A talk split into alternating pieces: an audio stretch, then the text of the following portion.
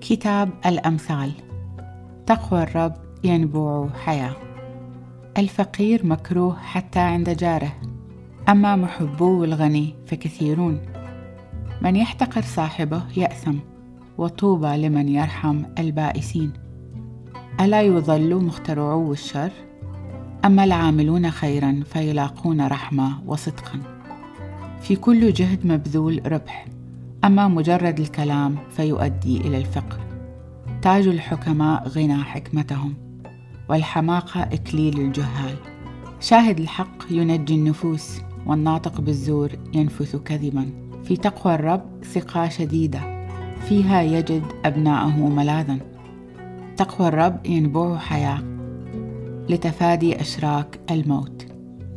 في كثرة الشعب فخر للملك وفي فقدان الرعية دمار لمقام الأمير. البطيء الغضب ذو فهم كثير أما السريع إلى السخط فيبدي حماقة. القلب المطمئن يهب أعضاء الجسد حياة والحسد ينخر في العظام. من يجور على الفقير يهين صانعه. ومن يرحم البائس يكرم خالقه. يعاقب الشرير بمقتضى سوء تصرفاته. أما الصديق فله معتصم عند موته.